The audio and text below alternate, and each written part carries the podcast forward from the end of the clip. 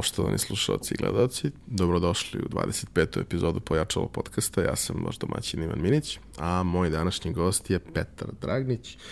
Um, dečko, uh, naj, mislim da je najmlađi gost do sada u podcastu i dečko koji je uh, odebrao da studira IT iako nikad nije planirao da se bavi time, a bavi se nekim jako ovaj, čudnim i neobičnim stvarima. A, mi smo se upoznali pre nekoliko godina, tako što sam ja za, za portal moje firma hteo da radim intervju sa a, nekim od vlasnika escape roomova u Beogradu. I onda sam pitao a, najvećih poznavaoca i ljubitelja a, tog fenomena u Srbiji, mog dragog prijatelja Istoka Pavlovića i on mi je rekao da Petar ima najbolju sobu u gradu. I meni je bilo vrlo interesantno što je u pitanju jako mlad momak, što je u celu priču ušao prilično onako a, otvorenog srca i, i, sa nekim vrlo skromnim budžetima. Na kraju je od toga ispao jedan jako, jako interesantan biznis, što ćete i videti. Ali da počnemo prvo od tih nekih ovaj, neobičnih stvari. Z zašto pobogu si upisao IT ako ne želiš time da se baviš? Uf, pa to je sad duga priča, probat ću da je skratim. U principu vraćaš mu neka aromatična vremena kad sam imao 18 godina i kada su svi ono razmišljali naglas šta je isplativo, čime treba se baviš, koja diploma se ceni. Nekako ja se u tim pričama uopšte nisam pronalazio, imao sam neke druge ono, snove. Uh, IT zato što sam kada ono razmišljaš kao u čemu si dobar, ja sam uvijek bio onaj lik koji je ok sa kompovima, koji zna da kreje igricu u kraju i tako to. I hteo sam eto da vidim, ako mi nešto i ole zanima, to je bio IT, tako sam se odlučio za to. Ali e, tebi je ključna stvar kod studiranja bila to da probaš na neki način da ono, proputuješ svet. Jest, jeste. Da vidiš neke stvari, da ti, da ti to i kroz studentske organizacije i sve ono ostalo što ide omogući da zapravo vidiš šta te zanima. Jeste, znači generalno ja kad sam bio četvrti razred srednje škole, uh, tad sam ono razmišljao, znaš, koji su moji snovi, šta želim da radim, uh, šta je čak možda ono i nerealno što možda ne mogu da postignem u životu i nekako meni su ta putovanja uvijek bila, mislim dan danas meni je cilj da proputujem ceo svet ako je moguće. Tada u tom trenutku je nekako meni Amerika bila omiljena želja, znači ono New York, Miami, Los Angeles, svi ti neki gradovi, ali pre svega ne samo putovanja, već i stvarno ta neka kulturna razmena da ja tamo provedem neko duže vreme, upoznam što više ljudi, ne samo Amerikanaca, nego iz svih kraja sveta. I bukvalno mi se nacrtalo da je postojao taj Summer Work and Travel program. Ja sam čitao onaj opis tog programa, to je bukvalno bilo to. Mislim, za one koji ne znaju, u principu taj program funkcioniše tako što mladi ljudi širom sveta koji studiraju mogu četiri meseca da rade u Americi, to su sezonski studentski poslovi, znači ono, spasioca na bazenu, konobar, radnik u zabavnom parku i ja sam neko bio u fazonu, to je to, četiri meseca radim, zaradim neke lepe pare, pogotovo za srpske oslove, upoznam puno ljudi, proputujem dosta, jer nakon tih četiri meseca ti imaš mesec dana fore da putuješ po Americi i ja sam to maksimalno iskorišćavao. A, kako je zapravo funkcionisao ceo sistem? A, šta je trebalo sve da ispuniš da bi uopšte mogao da konkurišeš za nešto tako?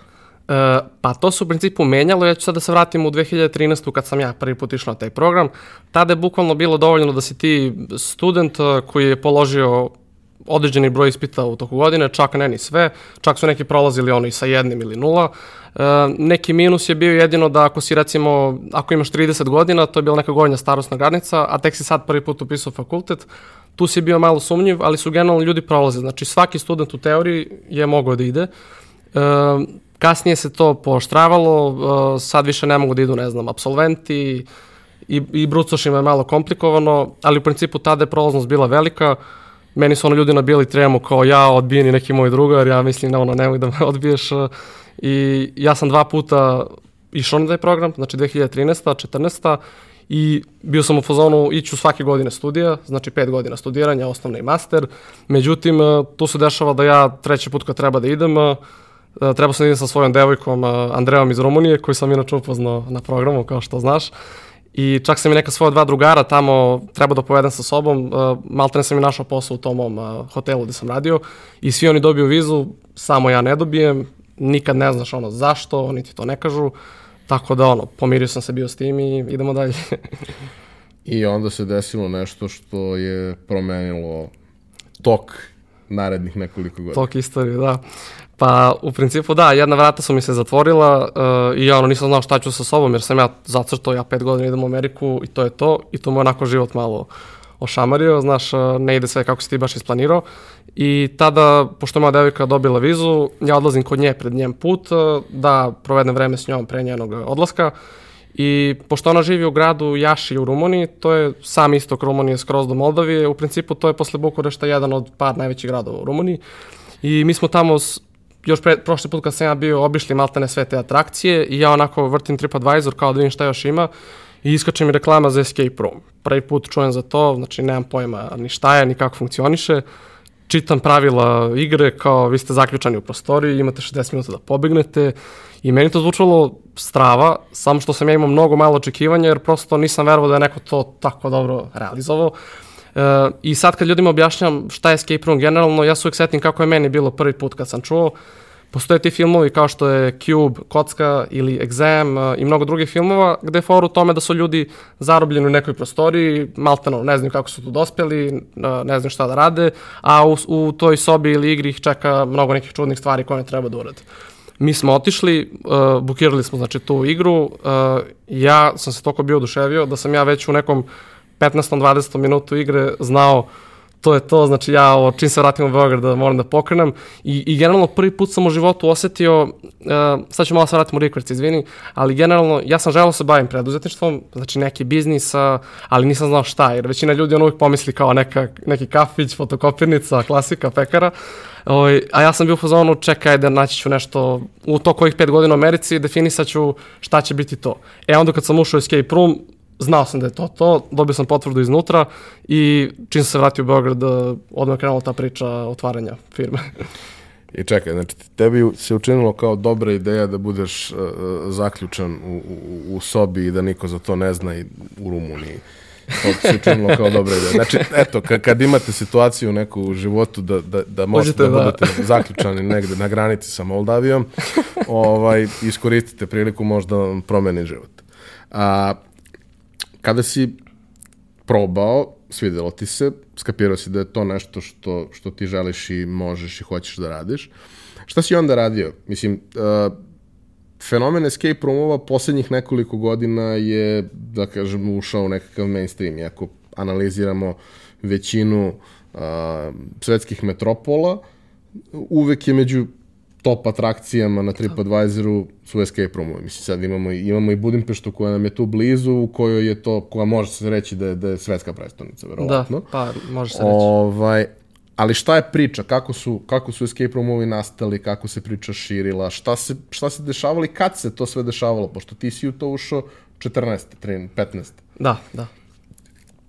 Šta je neka paralelna istorija koja se dešava? Da, jasno. Evo, i mene to isto zanimalo, baš kad smo i mi kretali. Uh, u principu, ti sad kad bi mi izgooglali, postoji informacija da je neki lik u Japanu 2007. počeo da pravi neke igre slične escape roomovima, znači da su ljudi dolazili u sobe, to su više bile kao puzzle rooms, to su neki zadaci ti rešavaš, bez, te nekog, bez tog nekog scenarija, efekata, priče, dekoracije i svega. Međutim, možda se i ne zna ko je to prvi počeo, ali trend je počeo da se razvija tako negde 2011. kada je to počelo se otvora po Evropi i Americi. I tad je onda, eto, 2011. bili su trenke prve sobe po Evropi, a mi danas imamo to da malte ne u svakom malo većem gradu postoji dosta escape roomova. Kod nas u Srbiji ne samo imamo u Beogradu, nego imamo u Novom Sadu, u Nišu, uh, Zlatibor, Subotica, zaboravit ću nekoga, ali pre svega toga, uh, inspiracija je došla sa mnogo strana. Znači, postojale su pre te neke avanturističke knjige, gde ti čitaš neku priču, pa te na kraju priča pita koji korak želiš da odabereš. Sad je baš Black Mirror napravio film na tu foru i onda si ti imao, pravio si neke izbore i to te je dovodilo do nekog tvog finalnog rešenja. Takođe, postojale su escape room igre na računarima, uh, i druge point and click avanture, znači ne samo escape room, gde ono, ti se krećeš po nekoj sobi, skupljaš neke predmete, sa ključem otključavaš nešto, tu dobiješ neku mapu i tako dalje. Tako da ja mislim da se sve to pomešalo, znači ti romani, uh, ta igrica sa računara, mnogo tih filmova na tu foru i onda smo dobili ovaj proizvod o kome danas pričamo, a to je Escape Room igra u stvarnosti. I ja moram još jednom da istaknem, jer stvarno i kad pričamo ovako s ljudima, uh, nakon svega ovog što smo ja ti rekli, ljudi dalje neko po defaultu vezu da je to na računaru ili u nekoj virtualnoj realnosti. Znači ne, mi sad pričamo o escape room igrama gde ste vi stvarno u sobi, znači ja ti i Miloš sada možemo da odemo u sobu, neko će tamo da nas zatvori, svojim rukama pomeramo stvari, znači ne klikćemo ništa mišama, čisto da razdvojimo tu priču, znači ljudi... Da rešavamo nekakve realne zadatke. Realne zadatke u realnoj prostoriji, da. A, postoji, kad istražuješ opet taj fenomen sa strane, ja sam ga istraživao, jer kao što i sam znaš, meni se escape roomovi nisu svideli. Što ne znači da, da oni nisu sjajni, naravno, prosto ono kao not my cup of tea. Ali istražujući to sve, video sam da tu postojala onako prilično neka zanimljiva evolucija e, zadataka, onda nekakvih, niza nekakvih uređaja koji se tu koriste kao e, pomagala u celoj toj igri, da je zapravo mnogo toga e, adaptacija nečega što se uopšte ne koristi za, za tako nešto, nego da, da. je neko imao ideju da bi to možda moglo da, da posluži mislim, nikad neću zaboraviti jedno iskustvo, nije escape room, mislim, ali, ali je vrlo slično iskustvo pre par godina ovaj, u Solunu smo rentali neku gajbu i na Airbnb dobijaš instrukciju da treba da pozoveš broj telefona da bi ti se otključao, da bi ti se otključala ovaj, vrata od zgrade. Eko, dobro, ali kao ne mora poziv, može i SMS, može bilo što. Dobro. I sad dok je dolaziš do stana, kod stana imaš onaj neki lockbox na kome ukucaš Kucaš, pin, dobiješ ključ, sve okej, okay. ali brate kako radi ovo čudo sa, sa nemoguće da interfon radi na, na poziv telefonom sve i u jednom trenutku ja otvaram kuhinski element, vidim neku kutijicu koja je povezana nekim kablom, izgleda kao da će bomba da, da, da ono eksplodira. Vadim ja kutijicu, a unutra neki stari mobilni telefon, ali ono tipa, ne znam, iz 98 neki stari mobilni telefon povezan na punjač, iznad njega uh, uh, fotoosetljiva ćelija i kad zazvoni telefon upali se ekran i ćelija odključa. Ja kao, Mislim, imam sliku, stoji negde na mom Instagramu od pre par godina, ko, ko je dokon, ono, od će dovoljno, ali bukvalno izgleda kao bomba. A to je recimo jedan od mehanizama kako, kako nešto može da se na primjer radi. Nije baš predviđeno da se tako koristi, ali ono, u mnogo nekih situacija se na taj način rešavaju, rešavaju izazove. Da, pa eto, ti si možda i bio u stanu od nekog escape room vlasnika, pošto to tako deluje. Ovaj, da, znači nema nikakvih pravila, znači svaki escape room je priča za sebe. E, tu postoje različite teme, navešću samo nekoliko, znači ti si zatvorenik, treba pobegneš iz zatvora, dogodilo se ubistvo u sobi, ti, ti treba da otkriš ko je počinio to ubistvo, nalaziš se na pustom ostrovu, ne znaš kako ti dospeo, tu se nalazi neko blago, znači šta god neki vlasnik escape rooma, odnosno čovjek koji pravi tu igru, šta god je u, njegovom, u njegovoj glavi, to će se desiti u igri.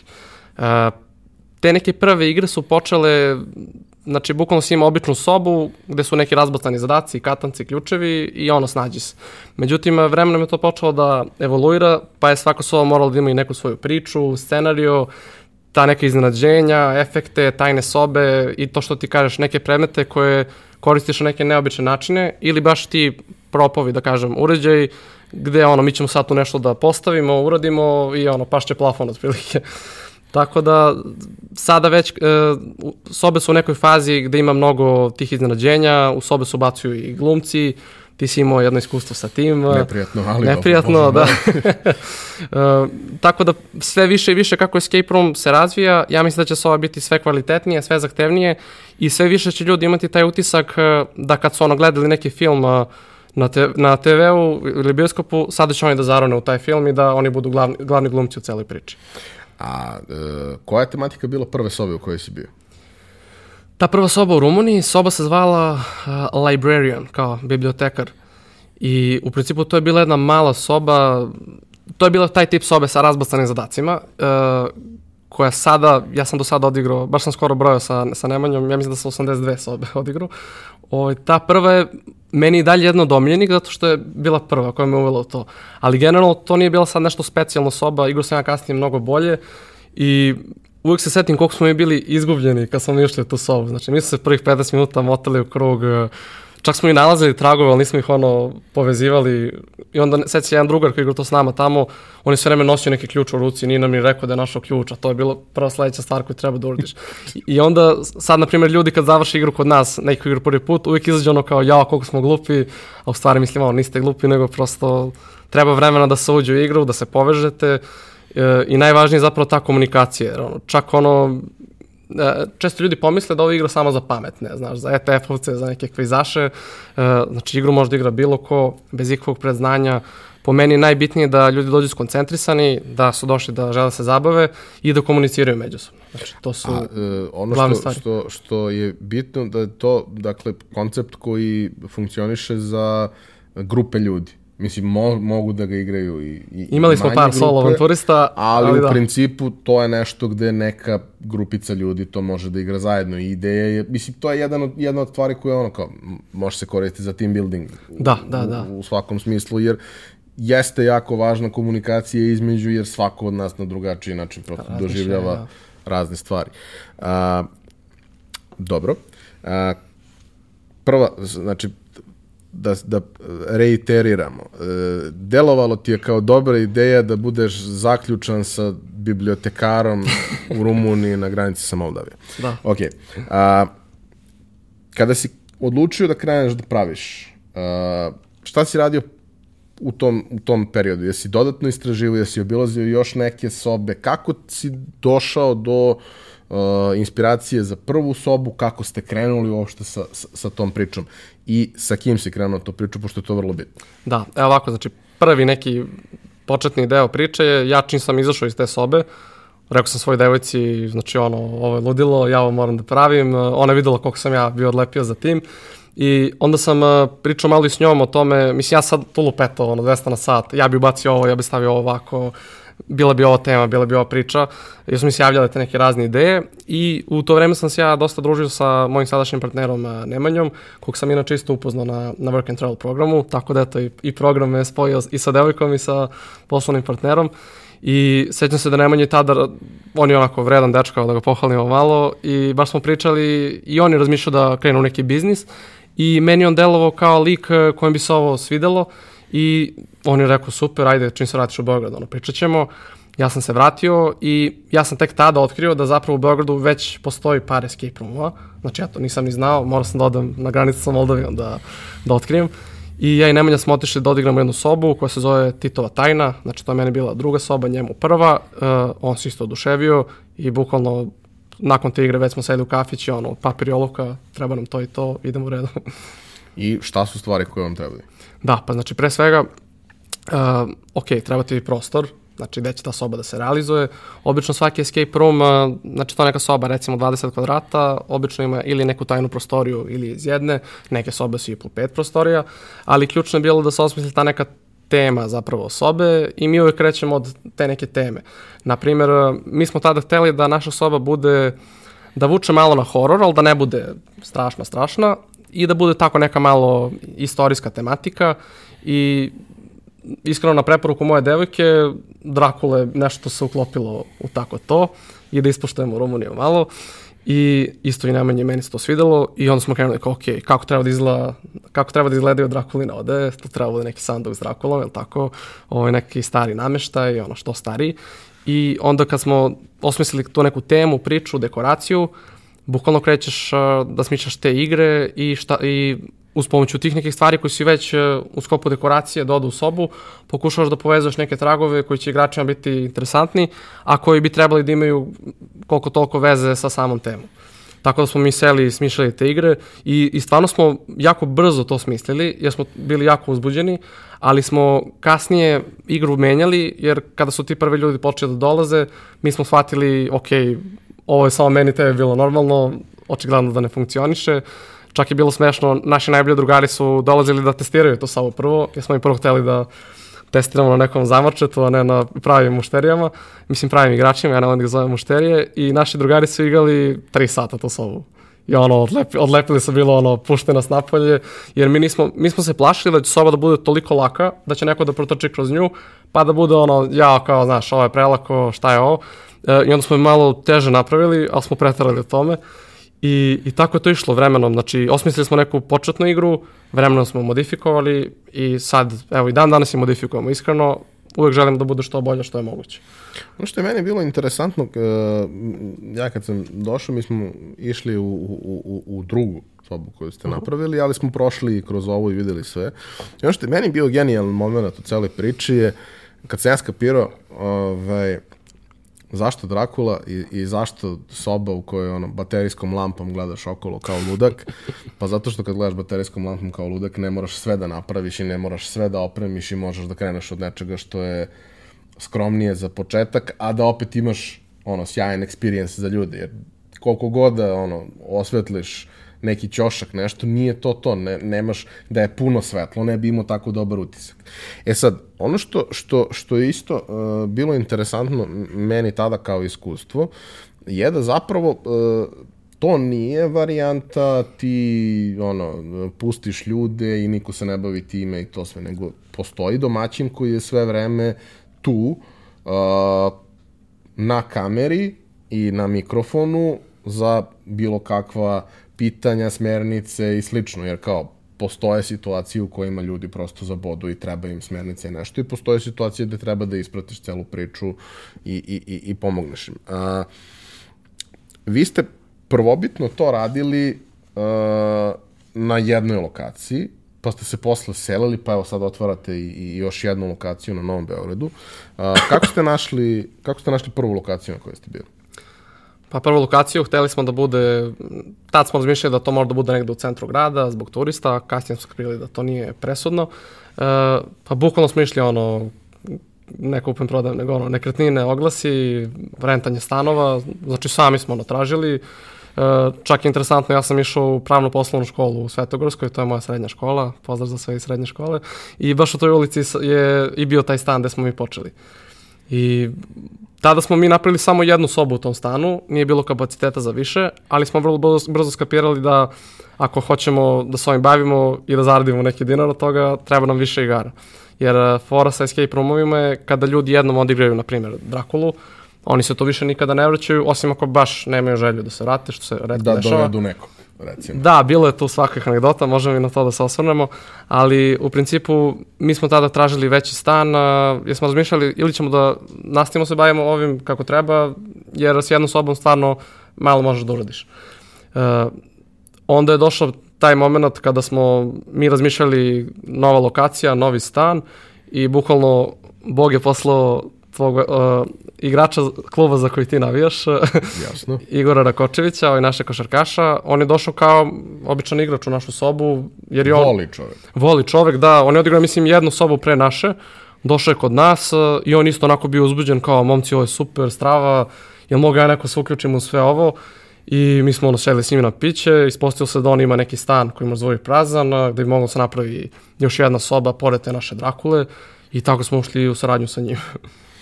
I uh, u tom trenutku, pričamo o momentu kad sam, kad sam i ja bio i kad smo radili intervju, vi padajete drugu sobu koja je i mnogo kompleksnija i zahtevnija i tako dalje. Uh, zašto ubistvo u masonskoj loži i zašto uh, osoba sedi u sobi? A prvo, zašto nismo normalni? Jasno. ovaj, ali hteli smo stvarno da e, mi smo već tada odigrali praktično sve sobe u Beogradu i videli smo... Kojih u tom trenutku ima koliko? Pa tada ih je bilo recimo 15-20, ovaj, možda ću pogrešiti broj. E, neki su vremenom gasile, neki su se otvarale, e, ali odigrali smo skoro sve i videli smo ko je sad taj neki najmanji zajednički sadržalac uh, svih soba i prosto hteli smo da napravimo neki iskorak uh, da neko ko je odigrao recimo skoro sve sobe u Beogradu, kada dođe kod nas, kaže kao ovo je next level, znaš. Uh, a da ne pričamo ljudima koji prvi put dođu baš u tu sobu, oni se ono baš uh, raspamet. Uh, hteli smo da ubacimo čoveka unutra uh, i to na način da, mislim, ok, sad ću malo otkriti deo sobe, ali čisto neki osnovni deo. Uh, znači nije unutra čovek koji je kao ja sa mojim licem, nego on nosi masku, plašt uh, i dode tu neku mistiku u celoj sobi, to bi možda ti mogo bolje Jeste, da jako, je, opišeš. jako je čudno. Da. Ima čovek koji diše u sobi. Jako je čudno. A uh, kako otprilike soba izgleda možete da vidite i, i, i i na našem njihovom sajtu slike, da. sajtu i na, na, na moje firme intervju. Uh, vrlo, vrlo simpatično, vrlo dopadljivo. Nećemo da otkrivamo kako se odvija cela situacija, ali Evo, samo jeste da... prilično komplikovano za, za sat vremena koje, koje imaš da, da to rešiš, ali tu su ono, potpuno neki cool stvari video kao, kao neka rešenja koje baš nisu u, u Na prvi pogled baš, uoči, baš ne da. bi čoveku palo na pamet da to može tako. Mi smo uh, hteli, zato što čisto da objasnimo ljudima kako generalno neka prosječna igra funkcioniše, prosječno iskustvo. Znači vi dođete na tu i tu adresu, zakazali ste igru, sačeka vas neko od, uh, kako se kaže, game mastera, objasni vam pravila, ubaci vas u sobu, znači temu vi birate, u svakoj sobi je određeni broj zadataka koje vi za 60 minuta možete da rešite. Čim uđete u sobu, sad krećete da otkucava, kreće vam adrenalin zato što vidite da u sobi se nalazi puno različitih stvari koje vi nemate predstavu kako da rešite. I onda kreće ono, trči, pretražuj, našao sam ovo, e, vidi ovo ovde. E, I ono što si rekao malo pre, e, neka osoba to nadgleda i, na primjer, kada igrači dođu u trenutak da stvarno ne znaju šta dalje ili da je puno vremena prošlo, a da nisu napredovali, oni imaju pravo da traže pomoć. I neki klasičan način kako se traži pomoć jeste ono bukvalno kao ili može pomoć i čovjek ti preko mikrofona kaže e, obratite pažnju na to i to, zaboravili ste taj predmet tu, bavite se malo time. I onda smo mi hteli u toj našoj sobi ubistva u masonskoj loži da izbacimo taj deo komunikacije. Jer po meni, kad ja svojim glasom tebi pričam o toku igre, malo ti izlačim iz tog sveta u koji si ti ušao.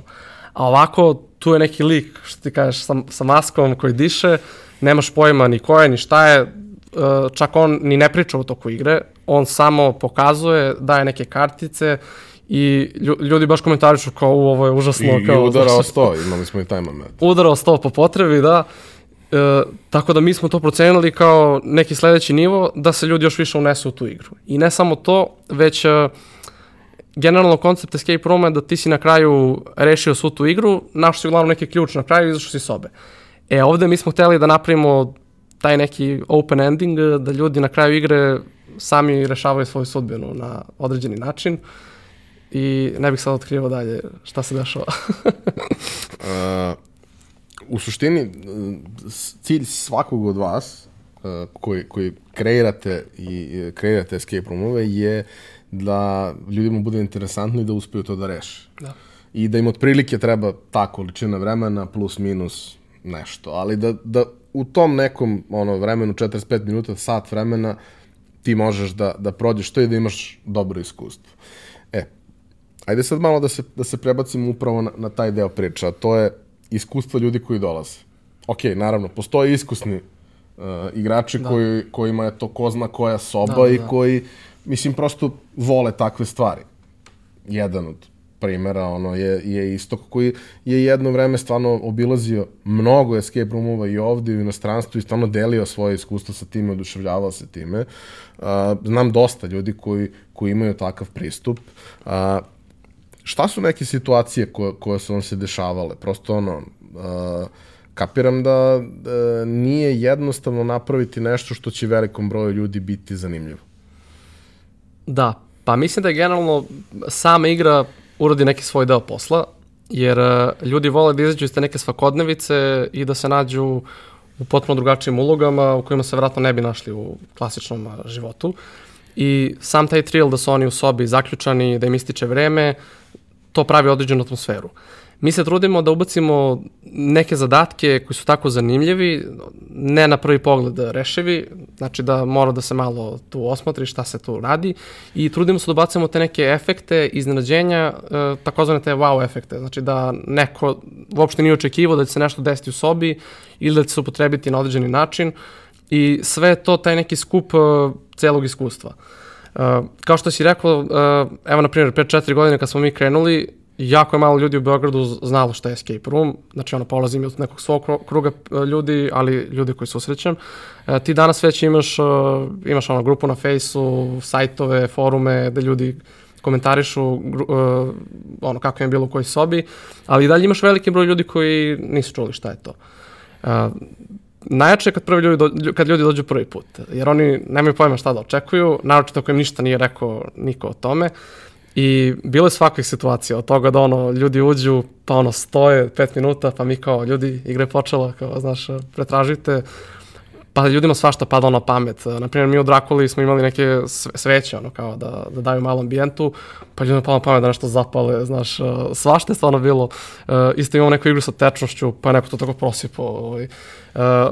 Onda smo počeli, i, i mi smo učili kroz sve ovo, jer zaista ja kada, Uh, mislim, meni je to super da se vratim na onu Rumuniju. Meni je bilo super, ja volim da pravim ove igre, hoću da se bavim time, ali ja nisam znao kako će ljudi da se ponašaju u tim sobama sa svim tim stvarima koje sam ja tamo postavio.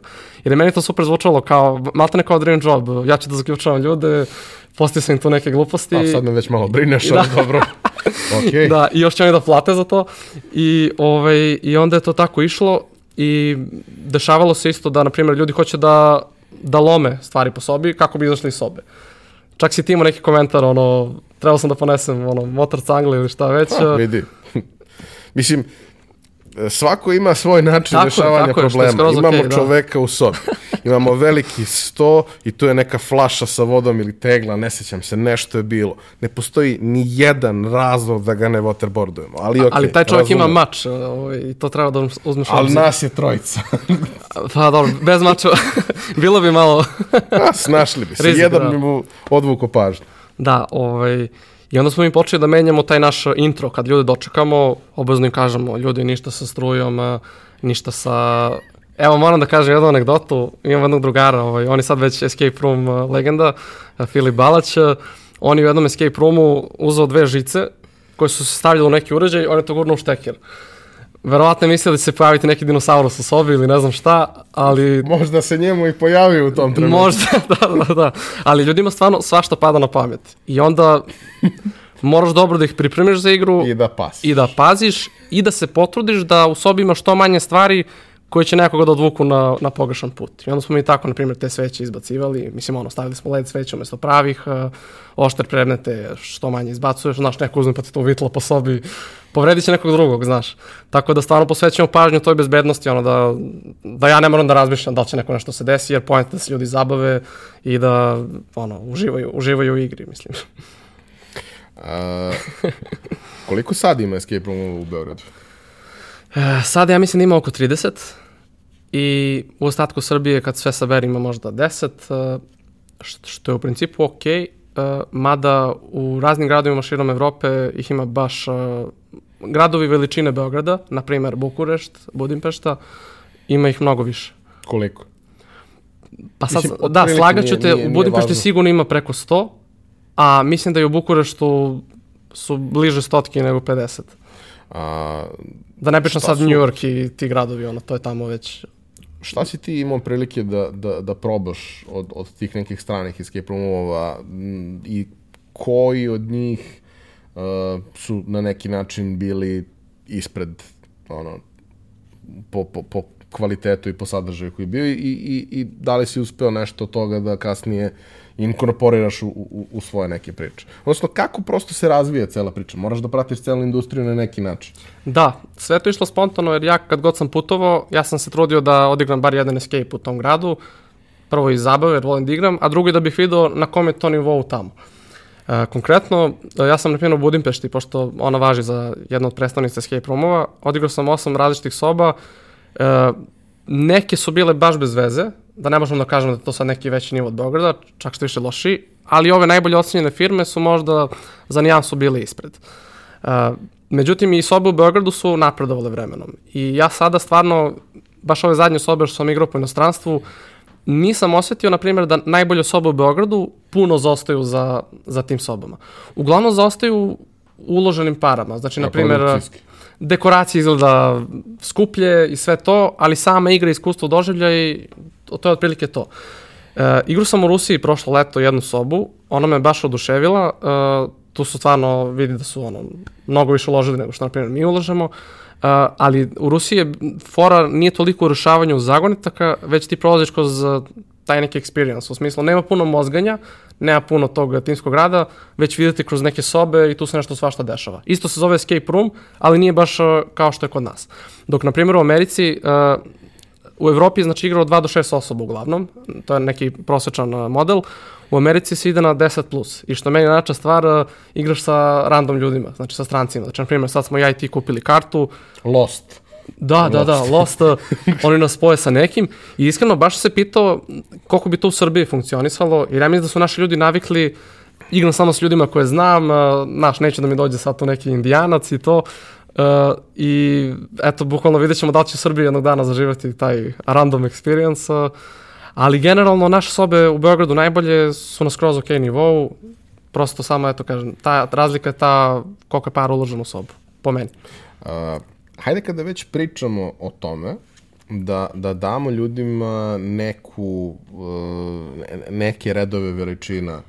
Ovaj, vi ste u to ušli kao klinici, bez ikakvog nekog značajnog kapitala koji, da. koji imate. Uh, naravno, tu je bilo mnogo vašeg cimanja, mnogo nekih ono, uh, dobrih rešenja, nalaženja nekih stvari koje možda nisu preskupe, a rade savršeno posao. Uh, Koliko ste vi uložili u, u, u biznis kad ste pokretali prvi escape program? Evo, interesantno ispalo, ja znači kad se vratio za tog, tog svog drugog work and trial programa, meni je ostalo bilo oko recimo 2500 evra, mislim da je Nemanja bio u sličnoj situaciji, uh, mislim da smo mi inicijalno potrošili oko 3000 evra da, znači tu ti računam i rente i opremu i, i sve što ti treba, E, I mi smo imali tu sreću da smo dosta stvari maltene nalazili ono za džabe ili jako jeftino. Znači ono obilazili smo podrume, rodbine, prijatelji, svako to nešto davao šta je moglo, uh, jer je nama bio cilj uh, da prosto napravimo igru, mislim da ne potrošimo sve para ako je moguće, ali da opet to bude neko lepo iskustvo. Međutim, ja moram priznam da je sa današnje perspektive ta soba koju smo mi tada napravili, po meni, zaostajala za, mislim sada bi zaostajala za tim nekim uh, najboljim sobama, jer je bila skromna, jer mi nismo znali koliko tu još treba, šta treba. Međutim, vrlo brzo smo, uh, slušali smo zapravo naši igrače. Znači, uvek neko kaže, neko, ok, neko nešto izlupeta, ali neko kaže nešto konstruktivno i stvarno smo se trudili da dodajemo te neke stvari da soba bude još bolje. Uh, mi dan, evo, na primjer, sad ta Dracula i dalje postoji, ali ona je lepša, kvalitetnija nego što je bila tada. Što mislim da je normalno, jer generalno ljudi kad ulazu u ovo, uglavnom malo ono se zaštekaju, jer ne znaju da li će to da krene, uh, E, po meni je bez veze da ti ispucaš nešto previše para u sobu, uh, jer opet uh, ljudi će ti igrati samo jednom. Znači, bolje je rasporediti, ali opet držati neki nivo. Uh, jedna od stvari koje su... Izvini, molim te, znači samo se vratim na to, uh, to je čisto naše iskustvo, ali ja sam pričao i s drugim vlasnicima i u, u Srbiji i u drugim zemljama, ti imaš ljude koji su ono, previše hendi, znači zna i sa strujom, zna i sa stolarijom, znači neko napravi sobu za 1000 eura. Znači, budžet sam, ne postoji neki fiksan, e, ti moraš daš toliko para, mnogo zavisi od tvoje snalažljivosti i koliko si ono spreman. Ja, na primjer, ono, znam da zakucam ekser i to je to, znači nemam veze sa strujom, nemam veze sa nekom ozbiljnijom stolarijom, tako smo mi za sve te stvari, i Nemanja isto uglavnom, e, za, za te neke stvari smo mi angažovali ljude da nam pomažu. Sad neko ko nije mora da plaća to, bolje je prošao, tako da nema pravila, sve zavisi suština je da to nije preveliko ulaganje, ne mora nije, biti Nije, u poređenju sa nekim ulaganje. drugim biznisima definitivno nije. I da zahteva dosta kreativnosti, da kao, znaš, da, ima da, da. uvek da. nekih komada nameštaja koje se mogu restaurirati, Tako ima je. stvari koje mogu da se iskoriste i na taj način da se, da se neke stvari reše. Do, dosta tu uh, stvari nekih koje možda na, na, na prvu loptu bi neko hteo da pravi, komplikuje, možda je dovoljno da se oštampaju na nečemu i da to bude ono kao kulisa u, u celoj priči. Dakle, uh, treba da bude na određenom nivou, ali ne treba preterivati jer u suštini to ni, ne treba da bude ono 100% tačno fizički kako treba da izgleda nekakva prostorija. Da, ne treba se opterećivati verovatno, a evo i baš primer svega toga je nama neki ljudi koji dan danas dolaze kažu ja, meni ona Drakula vaša, ta baš stara jeftina, bila omiljena zato što je bila jedna od prvih soba. Kao što i meni ovo Rumuni bila najbolja, iako recimo igrao sam posle sobu u kojoj je sigurno uloženo 10 puta više para i dalje meni to iskustvo nekako bilo najbolje. Posebno zanimljiv uh, aspekt cele priče, mi kad smo pričali tada, ovaj, dok, dok ste vi bili u, u, u na, kažemo, ne na početku, ali daleko uh, iza ovoga gde ste sad. Godinu dana smo. A, a, tad je ovaj, jedna od stvari koja, koja se desila i mnogo mi je bilo drago kad si mi, kad si mi javio da je ta priča zaživela, je zapravo uh, paralelni biznis koji ste vi razvili uh, zajedno sa ovima, to je uh, prodaja gotovih escape roomova u druge gradove, druge zemlje i ostalo. I tada je bila jedna soba u, ja mislim, Zagrebu. Da, da. Bila je jedna soba u Zagrebu, ali danas je to jako, jako ozbiljan deo onoga što radite. A, šta se tu dešavalo? Da, znači, to se dešavalo tako da sam ja generalno gledao kakva je escape room situacija u, u celom svetu, da, kako firme ono, rade, koje sobe prave i naletao sam na taj model da dosta ljudi prodaje ideje za svoje sobe ili cele franšize, nameštene sobe drugim ljudima koji ili žele da započnu svoj escape room biznis ili već postojećim firmama koje žele da prošire svoju ponudu. I meni je došlo na pamet, uh, ok, što ne bismo i mi probali Drakulu da prodamo nekome, on, ništa nas neko što da stavimo na sajt kao franchise possibility i to. I iskreno uopšte nisam očekivao da će neko nama doći i reći, e, ja hoću da kupim vašu sobu. Mislim, to je bilo onako, ajde da probamo pa šta bude. I već par meseci nakon toga nama stiže mail, uh, ono, bok dečki, mi smo iz Zagreba, uh, hteli bismo da pokrenemo escape room uh, u Zagrebu, uh, vidimo da ima dobrih soba u Beogradu, došli bismo kod vas i kod par drugih firmi i da, ako budemo želi, kupimo neku sobu. Mi smo ih naravno rekli dođite i oni su odigrali tada, čini mi se, četiri sobe u Beogradu i na kraju su kupili našu Drakulu i sobu Robin Hood, uh, koju drži druga firma, inače jako dobra soba. I tad sam ja skapirao da, znači, ipak postoje ljudi koji, jer imaš dosta ljudi koji ili ih mrzi da prave sami, ili neće da pravi sam, ili ne zna. Pa dobro, nije, nije Ima puno razloga, što, da. što, što i umeju da rade i žele da rade. Tako je, znači imaš ljude koji baš vole da prave sami, imaš nekog ko više to gleda poslovno, znaš, to je sad trend, to sad ide, nek me neko drugi napravi, pa ću ja to da, da vodim. I njima smo prvima prodali i onda sam ja vidio da to ima neki potencijal za dalje. Vrlo brzo nakon toga uh, javio se neki dečko iz Španije koji je mene našao preko LinkedIna, znači, jer mi generalno to uopšte to nismo oglašavali, znači to je bilo onako organic, uh, ja sam čisto na tim nekim besplatnim sajtovima za postavljanje tih uh, scenarija i to postavio nas, neko je to video, neko nije, ljudi su nam slali mailove, ali niko još nije kupovao. E onda kad je kupio taj španac uh, sa Kanarskih ostrova, on isto kupio Drakulu, uh, mi smo već sada imali neki portfolio, jer uh, baš smo komentarisali pre početka, uh, ti imaš uh, dosta ljudi koji, na primjer, on želi da vidi šta si ti do sada radio. I ja kad prodajem sobu nekome, a on ne zna kakva je ta soba, ili ne zna da li je radila u nekom drugom kraju sveta, posle ove dve prodaje mi smo dobili taj neki da kažem social proof, jer svako može da izgoogla TripAdvisor, Facebook, Instagram tih drugih firmi kojima smo mi prodali, da vidi kako, šta kažu igrači u tim drugim zemljama. I onda je tako, tako išlo jedna po jedna prodaja, uh, sada već uh, u deset različitih država mi postojimo, mislim, naše sobe se igraju tamo. Iskreno, ja to nisam očekivao, oj, ali eto, tu smo, a sada je već cilj da nas ima po celom svetu. a, deset zemalja, ali uh, umeđu vremenu se desilo i to da vi ovde sada imate, otvarate petu sobu. Da, da. Otvarate petu sobu u Beogradu, a ako pogledaš uh, sajt, tamo u ponudi ima i, i više nekih scenarija koji, koji su vrlo interesantni. A, koliko soba u 10 zemalja? E, 17, čini mi se, da, 17. I šta su tu, ko- koje su scenarije se tu pojavljaju? Prvo, koje, koje ste scenarije otvorili? Šta, šta ste zapravo uradili o, ove, lokalno? A onda kako je išla ta cela priča dalje? Ok, imate jednu stvar koja definitivno radi i širi se, to je ova priča sa, sa vašom prvom sobom, ali kao, to je i dalje one trick pony. Da, da. E, znači ovako, mi smo generalno znali da treba da se širimo u Beogradu i otvorili smo prvu sobu, drugu sobu, ove koje smo komentarisali, onda smo napravili baš horor sobu Mesareva tamnica, e, sledeće dođe da obiđeš. Meserova biblioteka. Da, onda sledeća bila biblioteka uh, i, on, i tako smo mi, sledeća džungla i u principu mi smo prvo prodavali te sobe koje smo mi već uh, smislili. E onda se desila situacija, na primjer nama se javi čovjek iz Amerike koji hoće da kupi od nas, ali neće da kupi te sobe, te teme koje mi imamo. I onda nam on kaže, ja hoću sobu zatvor, ono prison break, napravite mi to.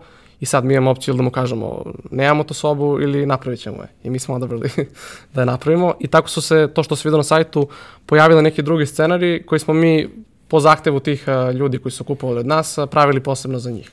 Mislim da sad imamo tako 10-11 uh, različitih tema i najviše nam se javljaju ljudi iz, iz Amerike. Mislim, stižu mailovi iz celog sveta, ali Amerika onako izgleda najza, najzainteresovanija za, za escape roomove, bar tako meni deluje. I ima nas u šest različitih uh, state-ova tamo trenutno. A dobro, u kojim sve zemljama ste sad prisutni? Da, znači to je prvo krenulo iz Hrvatske, potom Španija, Engleska, Amerika, Kipar, Saudijska Arabija, uh, Danska, ako nisam rekao. Uh, imali smo saradnju u Bosni, Porto Riko i sada baš s nekim italijanom u Holandiji otvaramo tamo.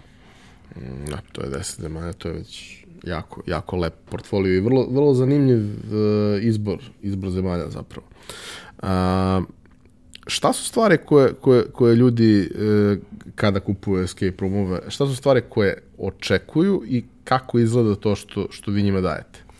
Da, a, tu ima nekoliko različitih modela. Mi konkretno prodajemo ideju za naše sobe. Šta to znači? Naprimer, neko hoće da kupi našu sobu Drakulu ili zatvor, mi njima pošaljemo detaljan plan kako da oni tu sobu naprave. Znači, arhitektonski plan, gde šta treba da stoji, dimenzije, spisak svih predmeta, nameštaja koje oni treba da pribave ili poruče za tu igru, kako funkcionišu zagonetke korak po korak, cela dekoracija, ako ima i muzike i ti nekih specijalnih efekata, znači bukvalno ono, ti to dobiješ i sam to možda napraviš na svojoj lokaciji i ako je potrebna naša asistencija, mi smo tu da pomognemo. Uh, dosta ljudi u svetu i prodaje, na primjer, ono, ključ u ruke, da ti oni i, em što ti daju celu ideju i sve to, dođu i naprave ti tu sobu. To je naravno skuplja opcija, mi trenutno još uvijek to nismo radili, za sada samo prodajemo ove ideje, takođe imaš i te modele franšiza, znači da ti neko pored toga što ti je sve i napravio i i odradio za tebe, da ti nosiš brand njihove firme i ima nekih popularnih franšiza sada već u svetu koji se nalazi i na još više lokacije nego mi, definitivno. Da, da ti kupuješ i to što si deo tog nekog njihovog da, da, sistema, da. njihove zajednice i prosto ljudi koji to igraju hoće da probaju to i, i, i na drugim mestima. Da. A, šta su najpopularnije sobe koje ste, koje ste prodali? Dracula je naša najprodavanija, možda zato što je krenula prva. Taj zatvor smo isto prodali više puta i horror sobe isto. Ja mislim da to zato što uh, ljudi generalno kad pomisle na escape room, prvo, ja mislim da prvo asocijacija da si zatvoren, zatvor, uh, to je ono popularna tema, dosta ljudi iznenadio bi se, voli da se plaši, Znači, evo, na primjer, naša treća soba, ta horror, Mesareva tamnica, je upravo i nastala jer su nas ljudi konstantno pitali a koja je najstrašnija soba u Beogradu, je li ima nešto mnogo strašno, a nije bilo u tom trenutku nečega mnogo strašnog. I onda smo i napravili tamnicu kao, eto, ovo će da bude strašno. Uh, da, i, i Dracula isto zanimljiva, mislim da je zanimljiva tema, znaš, malo je starinska, malo je, ono, malo je plašljiva, Tako da za sad smo njih najviše prodavali, a vidjet ćemo, bit će i nekih novih tema sigurno u, u daljem periodu. No, recimo, da se, da se napravi e, soba, da si zatvoren u knjigovodstvu u vreme završnih računa. to deluje kao prilično strašno. Dobro, to je, to je baš real life escape room. o, vidi. I tu ima mnogo sabiranja od uzimanja stvari koje moraju da se reše pre nego što možeš da izađeš. E, samo sad si mi dao dobar šlagvort, ja bih volao da dodam, a, dosta ljudi pomisli da ovo igra ima puno matematike i tih nekih a, a, pametnih, da kažem, stvari. A, generalno ljudima ne treba nikakvo predznanje za ovu igru. Znači, nikakva edukacija, nikakva posebna oprema, priprema, Uh, napravljena igra tako da svako može da igra bez obzira na obrazovanje, starost, uh, pol. Uh, jel imaš dosta tih uh, vidova zabave društvenih igara gde su, na primjer, mi smo skoro igrali baš neku Game of Thrones uh, društvenu igru, mi smo objašnjavali pravila 5 sati, bukvalno, znači ova nije kartica vre, nije vredno truda. Nije vredno truda, a ovde ti za sat vremena dobiješ igru gde evo, mi sad odemo, igra kreće, to je to, završavamo, prošlo sat vremena, e, dostupno je svima. Znači, ne treba nikakva priprema. Čak možda i neko pređašnje iskustvo koje nije escape room iskustvo. Može da poremeti, da. Može da ti napravi problem, da. Vrlo, e, postoji matematika, postoje sve te stvari, su one na vrlo bazičnom nivou. Na, može na baš da nivou, da. Uopšte nije, nije, nije zahtevno u, u, u tom nekom smislu. A, Šta je tebe ovo iskustvo, sada već četvorogodišnje, dakle, dakle ozbiljno, šta je tebe to naučilo za, za sve ovo vreme? Pa evo, još, još uvijek uh, se nisam osvrnuo iskreno, meni je ovo i dalje sve onako novo, živim u tom nekom ritmu. Uh, pa mislim da sam pre svega naučio malo više o tome kako biznis funkcioniše, kako raditi sa ljudima koji dolaze, kako im pružiti tu zabavu, pa i marketing i sve to. Uh, svi ti neki izazovi koji su nas sačekali, prvo da taj proizvod objasnimo ljudima šta je, pa da oni dođu, pa da se oni vrate. Uh, sad kao mi smo već neki brand, što kažeš, dobrih igara u Beogradu, uh, Pa mnogo toga sam naučio, iskreno. Ali pre svega ta neka snalažljivost i to neko istraživanje. Znači, uvek, uvek se zapitam šta možemo još bolje da uradimo, da svoje budu bolje i da mi budemo bolje zastupljeni. I tako u, u tom nekom istraživanju uvek pomeramo neki nivo gore. A kako se cela priča marketira? Odnosno, šta ste nije baš jednostavno u tom smislu. Dakle, šta ste vi radili, šta vam se pokazalo kao dobro i šta ti negde savjetuješ nekome ko, ko hoće da pokrene nešto slično, na šta da se fokusira. Jer opet pričamo o nečemu što od starta kreće kao ne ogromno ulaganje, ne ni nekakav sad ogroman povratak te investicije, ali nešto što može da bude lep biznis ako se vodi na pravi način i ako se optimizuje. Šta ste vi radili što se tiče, što se tiče samog marketiranja? Mislim, naravno da postoji tu i taj moment community igrača koji međusobno pričaju o svojim iskustvima i da jedni preporučuju drugima i tako dalje. Ali šta su druge stvari? Gde prosto ljudi to pronalaze? Kako to funkcioniše? Da, to što si malo prepomenuo, ja mislim da to je ključno. To od usta do usta, neko je bio, odigrao, rekao je prijateljima, onda oni dođu. Sad sa internetom, sa svim tim forumima, diskusijama, to ide mnogo brže. Uh, generalno mi kad smo krenuli, uh, prvo ni ja ni Nemanja nismo imali nikakvog iskustva s marketingom, bukvalno je bilo ajde da vidimo kako da ovo prezentujemo. Uh, prva stvar, ti imaš dosta firmi koji bukvalno ono, nemaju ni Facebook stranicu, ono, ni Instagram, znači te neke najosnovnije besplatne stvari, mi smo sve to odradili. Znači napraviš sajt, Facebook, Instagram, TripAdvisor profil, Google profil, da, da prosto ti ljudi koji su bili kod nas imaju mogućnost da negde podele to svoje iskustvo. Mi smo prvo zvali što više naših prijatelja kojima smo mislili da će se to svijeti. Prvo da bismo i dobili feedback kakva je soba, a i drugo da bi oni rekli nekome kako to sve izgleda.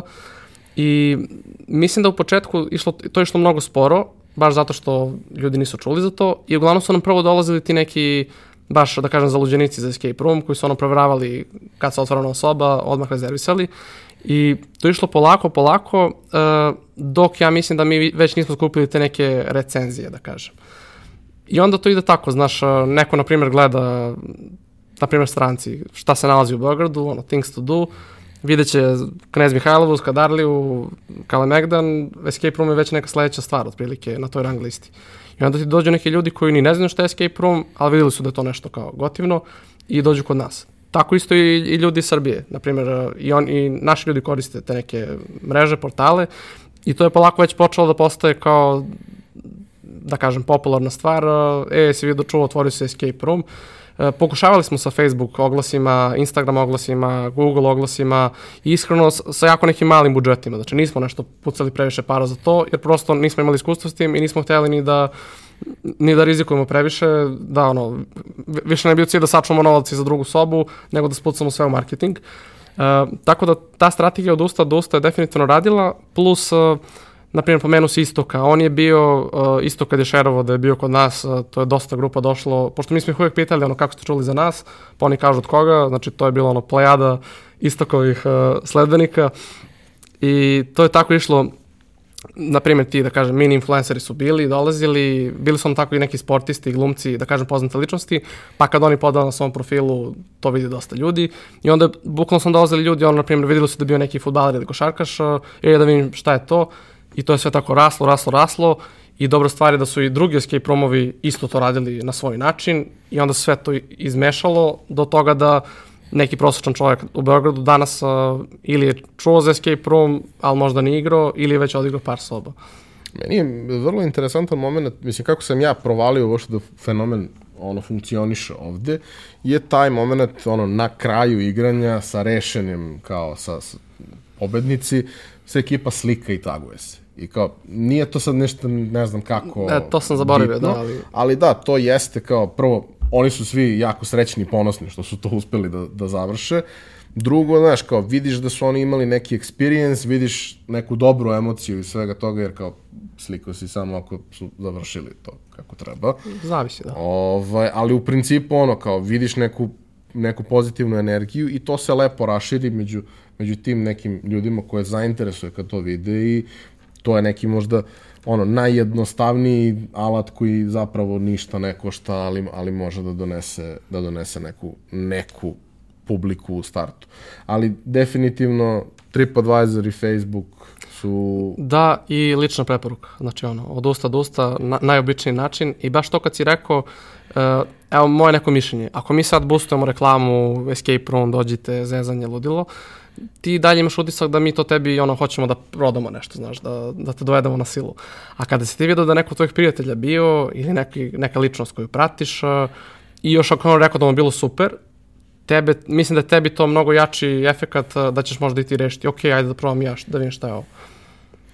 Šta je naredni korak za vas? Nedavno ste uzeli uh, novi prostor, uh, atomsko sklonište, dakle, ima potencijala da budu ovaj, sobe strave i užasa. Uh, uzeli ste novi prostor, uh, mogućnost da, da dodatno širite priču, a šta ostalo planirate? Da, znači sledeći korak definitivno ljudi nas ovaj, cimaju stalno kad će peta soba, mi govorimo već šest meseci za mesec dana, tako da ovaj, moramo da se ozbiljimo malo. E, ide ta peta soba džungla, e, ostanemo u tom prostoru e, mesta za još jednu igru, vidjet ćemo šta će biti šesta e, i u principu e, treba će vremena da svi ti igrači odigraju tu petu i šestu, ali ja sam siguran da recimo za godinu dana, dve, već će se tražiti novi prostor uh, i ono, idemo na 10. Dobro. Iz prostog razloga što vidim da toko ima ljudi koji hoće da igraju i koji dolaze i, i baš kod nas dolaze i kod drugih uh, i mislim da baš zato što dosta ljudi još uvijek nije ni čulo, mislim, ok, evo, na primjer, imaš ti ljudi koji nisu čuli, ali koji vjerojatno ne bi nikad ni odigrali to, kao što si ti, ovaj, ali imaš dosta ljudi koji sam siguran da kad bi čuli, kad bi skapirali koja priča, da bi makar probali. I obično ti koji probaju nastave da igraju i ja mislim da će doći do jednog trenutka uh, potreba da mi pravimo i nove sobe. E sad, idemo korak po korak pa ćemo videti. Što se tiče ovih prodaja soba, uh, generalno mi tu sad uh, nešto ne reklamiramo, ljudi se javljaju nama, jer već imamo taj neki portfolio i nemaš ti čak ni puno u svetu, mislim pričamo možda o 20 uh, tih nekih provajdera koji imaju malo zbiljnije reference. Uh, javljeno se dosta ljudi, uh, samo što ja mislim, znaš, teško je da ti nekome prodaš uh, biznis. Mislim, jako tebi prodam auto, ti auto možeš da prestaneš da voziš kad hoćeš ili da ga preprodaš, a biznis ipak moraš da vodiš, ono, moraš da se cimaš oko toga i dosta ljudi, sa dosta ljudi smo baš ušli ono do kraja, malte ne, ono, kreću, plaćaju sve i onda odustanu od cele priče, znaš, ipak mi je rizik, ipak ono, posao 9 do 5, sigurica, e, tako da vidjet ćemo šta će biti s tim prodajama. Meni je iskreno stvarno ne toliko zbog tih nekih novca od prodaje, mene, meni imponuje da se naše sobe igraju u što više krajeva sveta. I onda mi je cilj nekako da, da nas ima na, u što više država. Dobro, mislim i sadašnji portfolio vam je vrlo interesantan. Ovaj, posebno to kao ne, ne, neke zemlje u kojima ne bih očekivao da, da su spremni da, da, da, da uzmu sa strane tako nešto, mislim Britanija kao pobogu. Da, da. Ali zašto da ne, kao ljudi su otvoreni, uh, dobre reference, dobra istorija, dobri rezultati na nekoliko tržišta prosto donesu negde taj rezultat. A svega toga ne bi bilo da ti nije bilo interesantno da odeš da budeš zatvoren u biblioteci na granici sa Moldavijom, ali dobro. Nekad u životu moraš da, da rizikuješ malo. Makar bio i zatvoren da. u biblioteci na granici sa Moldavijom. Petre, hvala ti što si bio. Uh, nadam se da, da, da ti je bilo interesantno, nadam se da je i vama slušalcima uh, bilo cool. Uh, ja ih ne volim, ali probajte, možda vam se svide. Uh, možda je to jedan zanimljiv način da provedete jednu malu količinu vremena sa, sa prijateljima, kolegama, način da se bolje upoznate, način da unapredite svoju sposobnost komunikacije, jer manje više svi imamo nekad problem sa tim. A ovo je nešto gde prosto moraš da radiš zajedno, jer koliko god možda e, bio genijalan i sjajan, ti si i dalje samo jedan i samo jedan pogled i Tako je. tim će to mnogo jednostavnije rešiti. Hvala, Hvala. tebi Ivane na pozivu, izvini, ovaj, bilo mi stvarno zadovoljstvo. Gledao sam i ove prošle emisije, pa se nadam da i ova moće dati neki mali doprinos tvom kanalu. Nadam se da nismo udavili slušalce i da smo makar nekoga danas inspirisali za, za neki korak. Hvala ti još jednom, hvala vama na, na praćenju. Kao i do sada, molim vas da sve svoje ove, komentare i ideje uh, napišete na za to predviđenim mestima na društvenim mrežama ili da nam pišete putem sajta. A ovaj, pošto je pre nekoliko dana bilo, bilo druženje. Sledeće zakazujemo negde za kraj avgusta. Ako vam je interesantno da to ispratite, prijavite se na mailing listu i dobit ćete informaciju na vreme. Hvala još jednom.